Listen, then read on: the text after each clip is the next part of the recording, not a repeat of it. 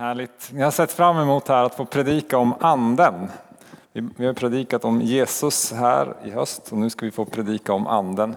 Vi har en värdering här i Korskyrkan som heter naturligt övernaturligt och eh, det handlar helt enkelt om att släppa fram det övernaturliga på ett naturligt sätt. Och när vi pratar om det övernaturliga så menar vi förstås inte tomtar och troll och sådana saker utan vi, vi pratar om, om, om Gud, om Guds ande och den, den andliga verkligheten som vi tror också är en del av den här världen.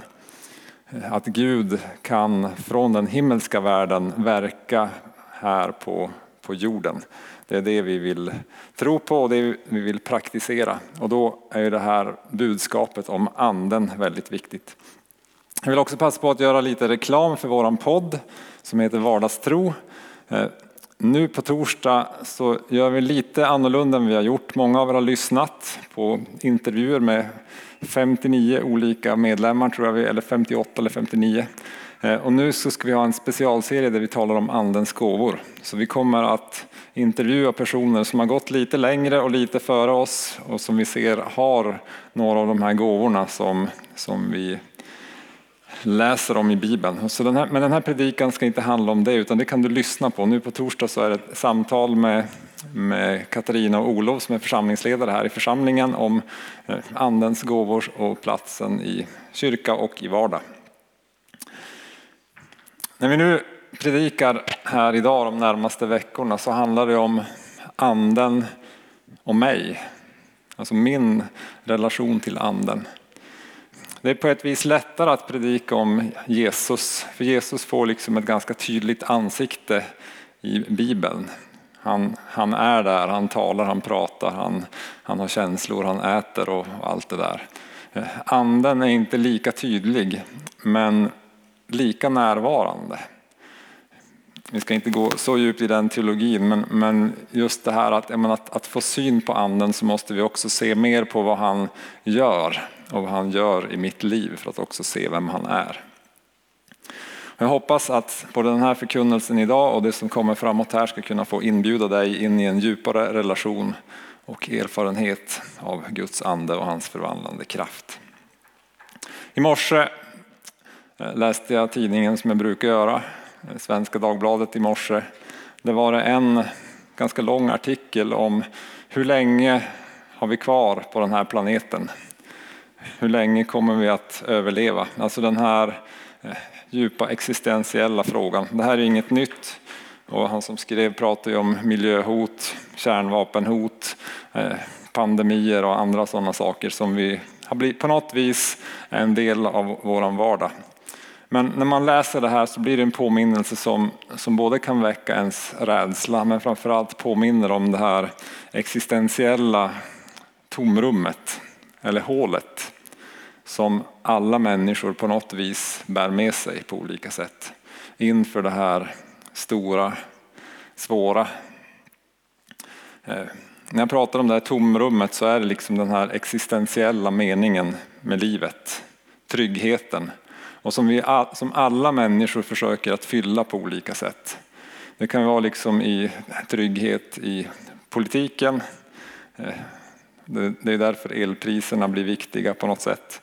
Eh, det kan ju också vara sport, tennis för min del, eh, familj, jobb, mat, sex. Alltså saker som kan vara bra när de är på sin plats.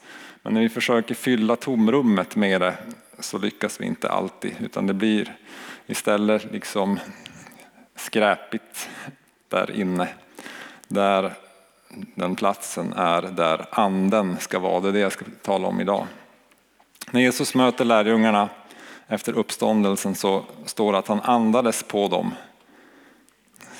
Ande, andedräkt, vind. Han andades på dem. Så. Och så sa han, ta emot den helige ande. Och vad innebär det att ta emot den helige ande och hur händer det och vad betyder det? För mig? Vad betyder det för det här tomrummet som finns i människan i mitt dagliga liv? Eh, vi har i grunden här en Guds rikes teologi i församlingen som handlar om att Guds rike har getts till oss. Jesus har kommit med riket Och vi har, vi har redan del i det på olika sätt men ännu inte fullt ut. Och det här är då en, en, eh, en grund i det vi ska tala om här idag. Alltså Jesus har gjort så otroligt mycket för oss. Det är det vi ska titta på. Det är väldigt lätt att man tänker att det är bara någonting som har med evigheten att göra. Förra veckan predikade jag om korset och liksom olika riktningar. Och bland annat att det pekar på framtiden och en evighet med Gud förstås. Och det, det är ju en viktig aspekt. Men det är lätt att när man, när man tänker på frälsning, när man tänker på det eviga livet, att vi liksom på något vis hamnar där borta när vi pratar om, om världen eller våra problem eller kärnvapenhot eller allt vad det är. Och även när vi pratar om det här tom, tomrummet, att vi på något vis tänker att det är bara hoppet om framtiden som ska hjälpa oss. Och så missar vi vad vi har fått nu. För anden är inte bara något som kommer sen, utan anden är här nu för dig och mig. Vi ska läsa från Efesierbrevet 1, vers 11 till 13. Och det här är något som, om man tittar på mina biblar som jag haft genom åren så ser man att det är de här sidorna som är mest gula i kanten och knölade så här. För det här har jag varit och läst och tyckt att det här har varit väldigt, väldigt viktigt för mig att både påminna mig om men också förstå. Det står så här, i honom har vi också fått vårt arv, förutbestämda till det av honom som utför allt efter sin viljas beslut för att vi som först har satt vårt hopp till Kristus ska bli till hans ära och pris. I honom har också ni, när ni hörde sanningens ord, evangeliet om er frälsning, i honom har också ni när ni kom till tro fått den utlovade helige ande som ett sigill.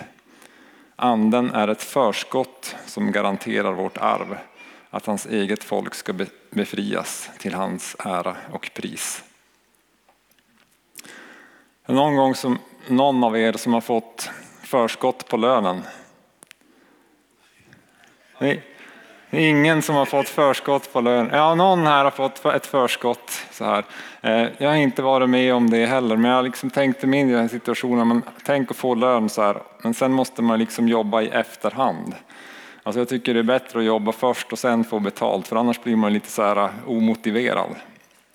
Och ibland så tänker vi liksom på det här att ja, men, att Gud ska, vi tänker likadant, liksom, ja, men att ja, men Gud ger, åt något, ger oss något och så måste vi liksom jobba av det.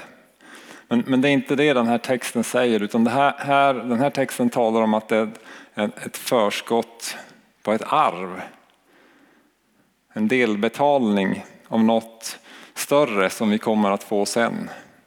En, eh, Underpant stod det i 1917 års översättning, vad nu det kan betyda. Liksom. En del, delbetalning är det, eller förskott står det i den här texten och jag tycker det är ett bra ord. Och det, det, är ju inte något som vi ska, ett arv det är något som man bara får. Är det någon som har fått ett arv någon gång? Ja, det är en, en del, alltså, och det är något som man inte har gjort sig förtjänt av utan det är bara något som man, man får. Och, det här är, och därför så talar vi om anden som min gåva. Och också som ett förskott, en förskottsbetalning av ett arv, en gåva. Något som vi får för att vi behöver det nu. Någonting som Gud vill inte bara ge oss i framtiden utan att vi får det han, eh, liksom, av allt det han har, har samlat ihop åt oss det, det, får vi del av nu, för att vi behöver det nu. För att vi i det här tomrummet behöver, behöver vad Gud har gett till oss. Vad består arvet av? Alltså Paul, nu ska vi inte läsa alla de verserna, men Paulus har redan målat den bilden i Efesierbrevet 1, vad arvet är. Alltså all andlig välsignelse i himlen. Eftersom jag bläddrade mycket i Bibeln där så har jag funderat väldigt mycket på vad all andlig välsignelse i himlen kan vara för något. Och jag tänker att det, det är allt det Gud kan ge oss. För om, om, Gud är andlig och Gud är i himlen så är det allt det Gud kan ge oss. Alltså allt det vi ser i Bibeln. Vi hörde vittnesbörd här om, om fötter som blev helade. Brödunder, vatten till vin, välsignelse, frid, frihet, allt det som finns hos Gud som han kan ge till oss. Det är en del av arvet. Så det handlar inte bara om någon sorts Eh, flummig andlighet här. Så man kanske liksom det här att man bara kanske eventuellt känner något fint eller vackert. Utan det är, det är allt det Gud kan ge oss och göra för oss. Eh, Paulus nämner också barnaskap hos Gud. Alltså att vi har en rik far som vill ta hand om oss i allt. Och som, som vi kan hämta våran styrka hos, som vi kan få hjälp av. Eh, Paulus skriver att vi är friköpta och förlåtna, att vi har fått insikt i hemligheten om evangeliet. Alltså det här att, att eh, Jesus har kommit och skapat den här kontakten med Gud. Och att hans eget folk ska befrias. Det handlar om framtiden som vi pratar om, så den finns också med där. Det här är delbetalningen som betalas ut till dig och mig, förskottet. Och det här är vad, vad vi får när vi, när vi får den helige ande. Så redan nu men ännu inte så, så kan det här tomrummet i oss fyllas. Jag vill jobba vidare med den bilden lite grann. För Johannes 4 och 14 säger Jesus till kvinnan i brunnen. Det vatten jag ger blir en källa i honom med vatten som flödar fram till evigt liv. Eh, och nu ska vi bena lite i det här med eh, teologin kring ande och så. Det finns lite olika skolor. En del menar att eh, den helige ande ges när man kommer till tro helt och fullt. Och det, är det, är det enda man får. En del menar att anden ges vid dopet och det är då det sker, att anden kommer. Eh, och en del, den, liksom den klassiska pingstteologin menar att ja, man får något av anden när man blir troende. Och sen så är det här att bli fylld med kraften en, en, en annan del. Och jag skulle säga att det är där jag kanske är. Men om jag, ska, om jag liksom tänker mig lite skillnad också är att jag tror också att, att Gud fortsätter att fylla oss och fortsätter att ge av sin ande till oss. Fortsätter att fylla på både med livet och med kraften. Eh, så när, när jag pratar här så, så, så tänker jag att eh, Gud ger oss anden när vi kommer till tro, precis som Paulus skrev i den här texten. Att honom har ni fått när ni kom till tro. Livet som fyller det här tomrummet. Och att kraften som Lars-Göran kommer att predika om nästa söndag, det handlar mer om utrustningen vi behöver för att tjäna Gud och, ge vidare honom till andra. Eh, så att två, två delar i det. Om man stannar kvar i den här bilden av källan eh, så är ju det eh, ja men, vatten är en förutsättning för liv på den här planeten. Om man backar då till den här tiden, 2000 år, så man hade kommit på att man kunde göra vattenledningar, akvedukter och sådana saker. Men de allra flesta var ju beroende av att det fanns en brunn eller en källa. Och här i den här byn så fanns det en brunn och det var ju förutsättningen för liv för både att ha vatten att dricka, djuren har vatten att dricka och att vattna åkrarna. Så det var liksom förutsättningen för liv.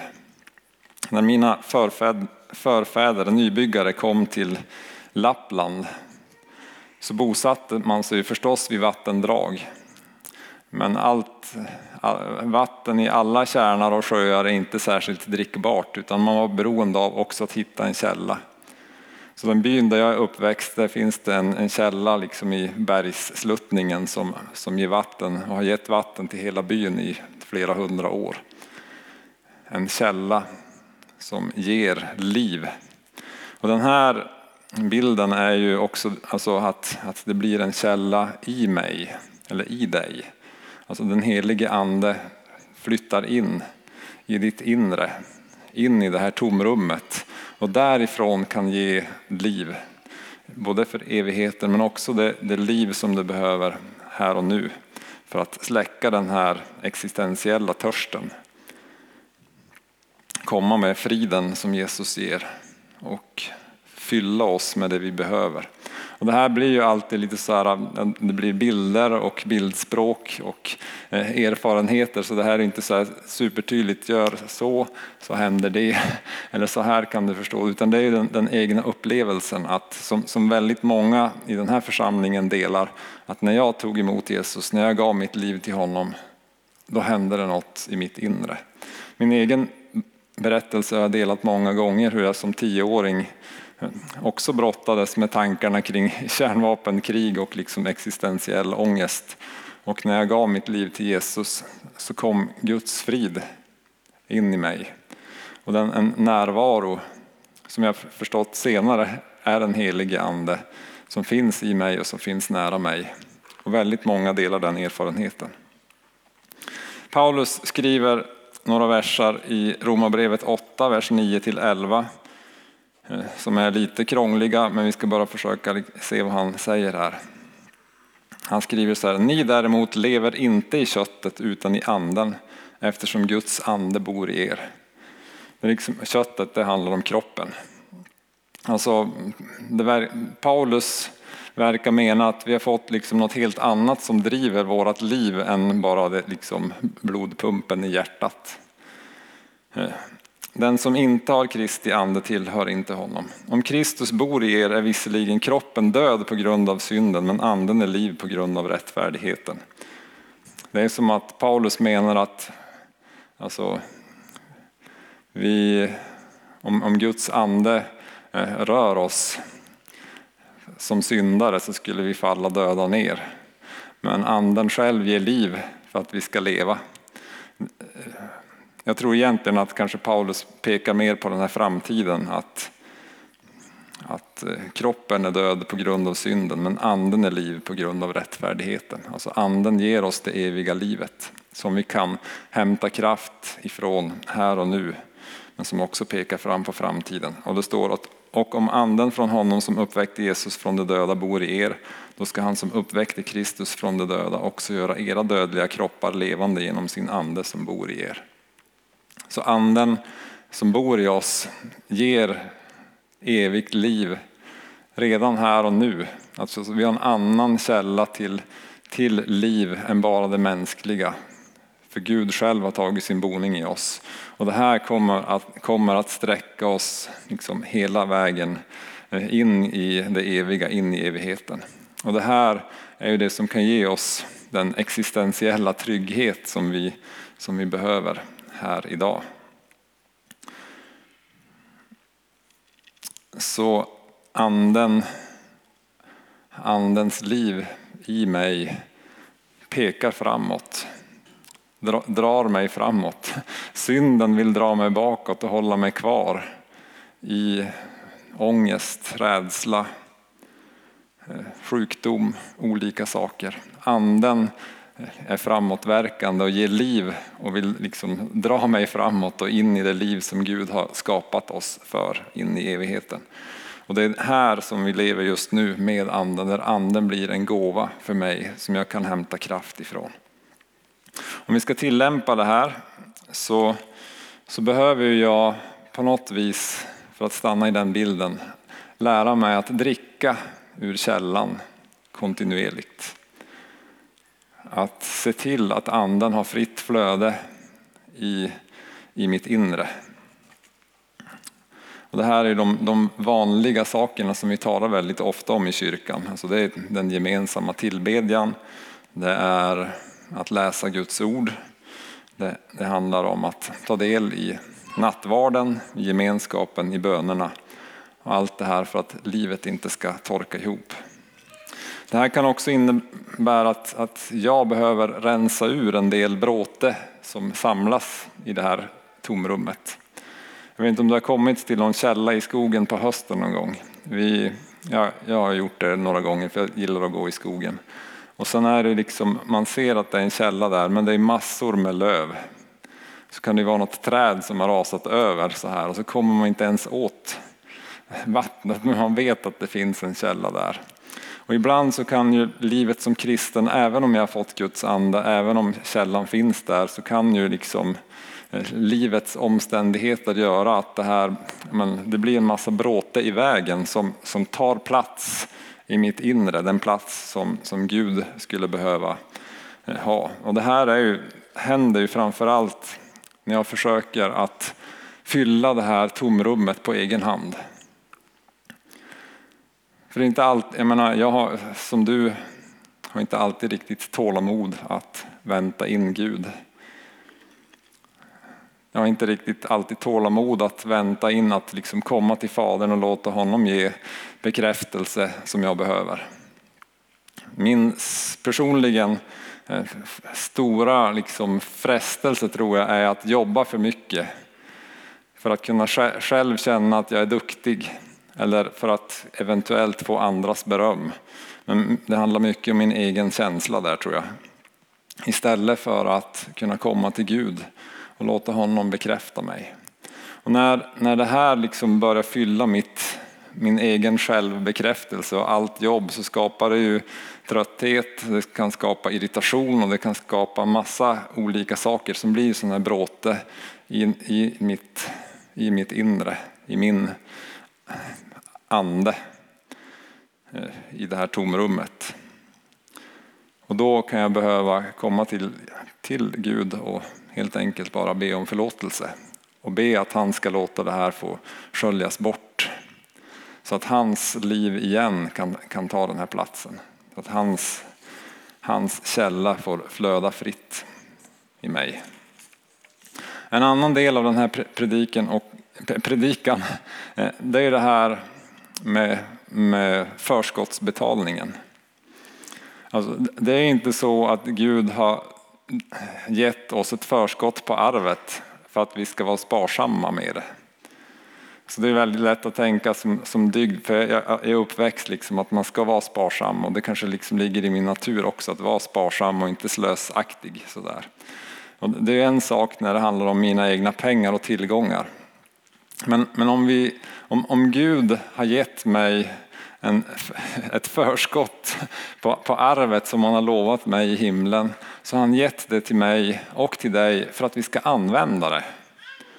Inte för att vi liksom ska lägga, lägga det i madrassen eller liksom vara så sparsamma som möjligt med, med Guds resurser. För de är oändliga.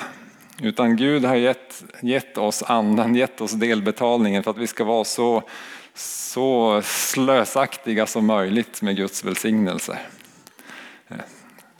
Jag gillar den tanken. Alltså, det är inte bara det att vi får spendera eller kan spendera utan det är ju som så här, vi ska spendera det Gud har gett oss. Det, det ska ska betalas. Alltså Jesus sa ju den här liknelsen om den här, de här förvaltarna, där han som har grävt ner det och sparat det eh, får mest, eh, mest skäll, helt enkelt. Det handlar om att omsätta, spendera, använda det Gud har gett oss. Och det innebär att vi, vi ska ju frimodigt göra som, som vi hörde ungdomarna gjorde här när de bad för varann. Alltså vi ska vara frimodiga och be om helande. Vi ska vara frimodiga att be om alla andliga välsignelser vi behöver. Vi ska vara frimodiga och be om Guds väg i församlingen, på jobbet, i familjen. Vi ska vara frimodiga att komma dit till, till nådens tron och be om all hjälp vi kan behöva när vi behöver det. För det, det är det Gud har tänkt och det är det som är en del av den här gåvan. Förskottsbetalningen av allt det Gud har för oss. Det innebär också att vi kan vara väldigt frimodiga i Guds närhet. Sträcka oss efter och be om det vi behöver. Eh, vad innebär det här i praktiken i mitt dagliga liv? Och det innebär ju först och främst att jag kan känna en trygghet i mitt inre. Att tomrummet kan få bli uppfyllt av Guds liv, av Guds kärlek, av Guds ande, av Guds storhet. Och då blir liksom det här tomrummet i mitt inre inte lika tomt längre. Jag är inte säker på att det kommer att vara helt uppfyllt förrän vi kommer till, till himlen om man får säga så, eller möter Gud ansikte mot ansikte. Men det, men det blir en källa i mig som flödar över till evigt liv. Och det här ger ju också hopp inför framtiden, hopp i den situation där vi är. Men det innebär också att Guds rike konkret är närvarande i mig och där jag är, där du och jag är, så är Guds rikes närvaro närvarande. Hur lever jag med det här då? Hur kan vi leva med, med anden? När jag var tonåring så kom det ut en bok som hette God morgon helige ande. Eh, jag är väldigt morgontrött så jag översatte det till Godnatt eh, helige ande istället. Så hade jag min andakt på kvällen. Men oavsett om det är god morgon eller Godnatt eller både och så, så är det att, men att, att göra sig medveten om att anden är närvarande i mitt liv. Att, kunna, att också kommunicera med anden och säga god morgon, nu är jag vaken. Är det något du vill säga till mig idag? Eller eh, god natt, nu ska jag snart somna. Tack för den här dagen. Eh, om, om jag inte har lyssnat idag så kanske du kan tala till mig i drömmarna i natt. Och så kan man jobba med en relation där anden kan få både visa sin närhet och närvaro, tala till mig och ge den frid som jag behöver. Daglig andakt, dagligt lyssnande. Och självklart i stressiga perioder när det är mycket att göra och livet snurrar i full fart så är det svårare både att få tid och svårare att lyssna. Men vi behöver hitta den här rytmen som Oliver predikade om för några veckor sedan i dagligt mot, mottagande, daglig gemensam bön eh, och ja, hitta det här som håller källan flödande i oss och påminner mig om att just det, jag har fått någonting att spendera också idag från Gud och försöka hitta var kan, jag, var kan jag använda det Gud har gett mig idag. Jag ska landa det här med bara det här, hur, hur tar vi emot, hur tar du emot anden som en gåva? Hur dricker du vattnet som anden ger? Det första är det Paulus har sagt här, liksom att tro på Jesus. När ni kom till tro, tro på vad Jesus har gjort. Låt Jesus andas eh, på dig. Att han får andas sitt liv in i dig, att ge sitt liv till Jesus. Eh, för dig som, som har gjort det så, så är liksom fundera, är det, är det bråte som har kommit in i den här källan? Är det saker där som, som behöver få rensas upp? Jag tänker att den här söndagen, det kanske är det viktigaste att, att bara få se, men det är saker och ting i källan, det är höstlöv som behöver rensas upp, det är ris och bråte som behöver få, få plockas undan och jag tror att Jesus vill spola bort det idag. Och sen så kanske det är några som känner att ja, men, oj, jag har suttit här och varit alldeles för sparsam med vad Gud har gett mig. Du kanske också behöver börja fundera på på att be om hjälp och inte bara tänka att du ska klara dig själv eller försöka eh, ha, använda Gud så lite som möjligt i ditt liv. Utan istället se, oj, tänk vad mycket Gud har gett mig. Du kan kanske till och med behöver omvända dig från eh, snålheten och be Gud visa dig siffrorna på bankkontot igen och förstå hur mycket du kan få spendera eller ska spendera. Vi vill vara en församling som förstår att vi har fått ett, ett förskott. Att Gud har gett oss otroligt mycket genom den helige Ande. Och att vi kan få leva i det och använda det. Min bön är att det som är kvar av den här gudstjänsten idag, att det här livet ska få flöda fritt i oss. Och att det som har liksom kommit i vägen ska få rensas upp och rensas bort. Så att också Guds frid, liv, trygghet och allting får beröra våra hjärtan. Amen. Jesus, vi ber nu att du ska låta den helige Ande komma. Kom helige Ande. Kom med ditt vatten, kom med ditt liv. Kom och fyll oss. Vi ber om det i Jesu namn. Amen.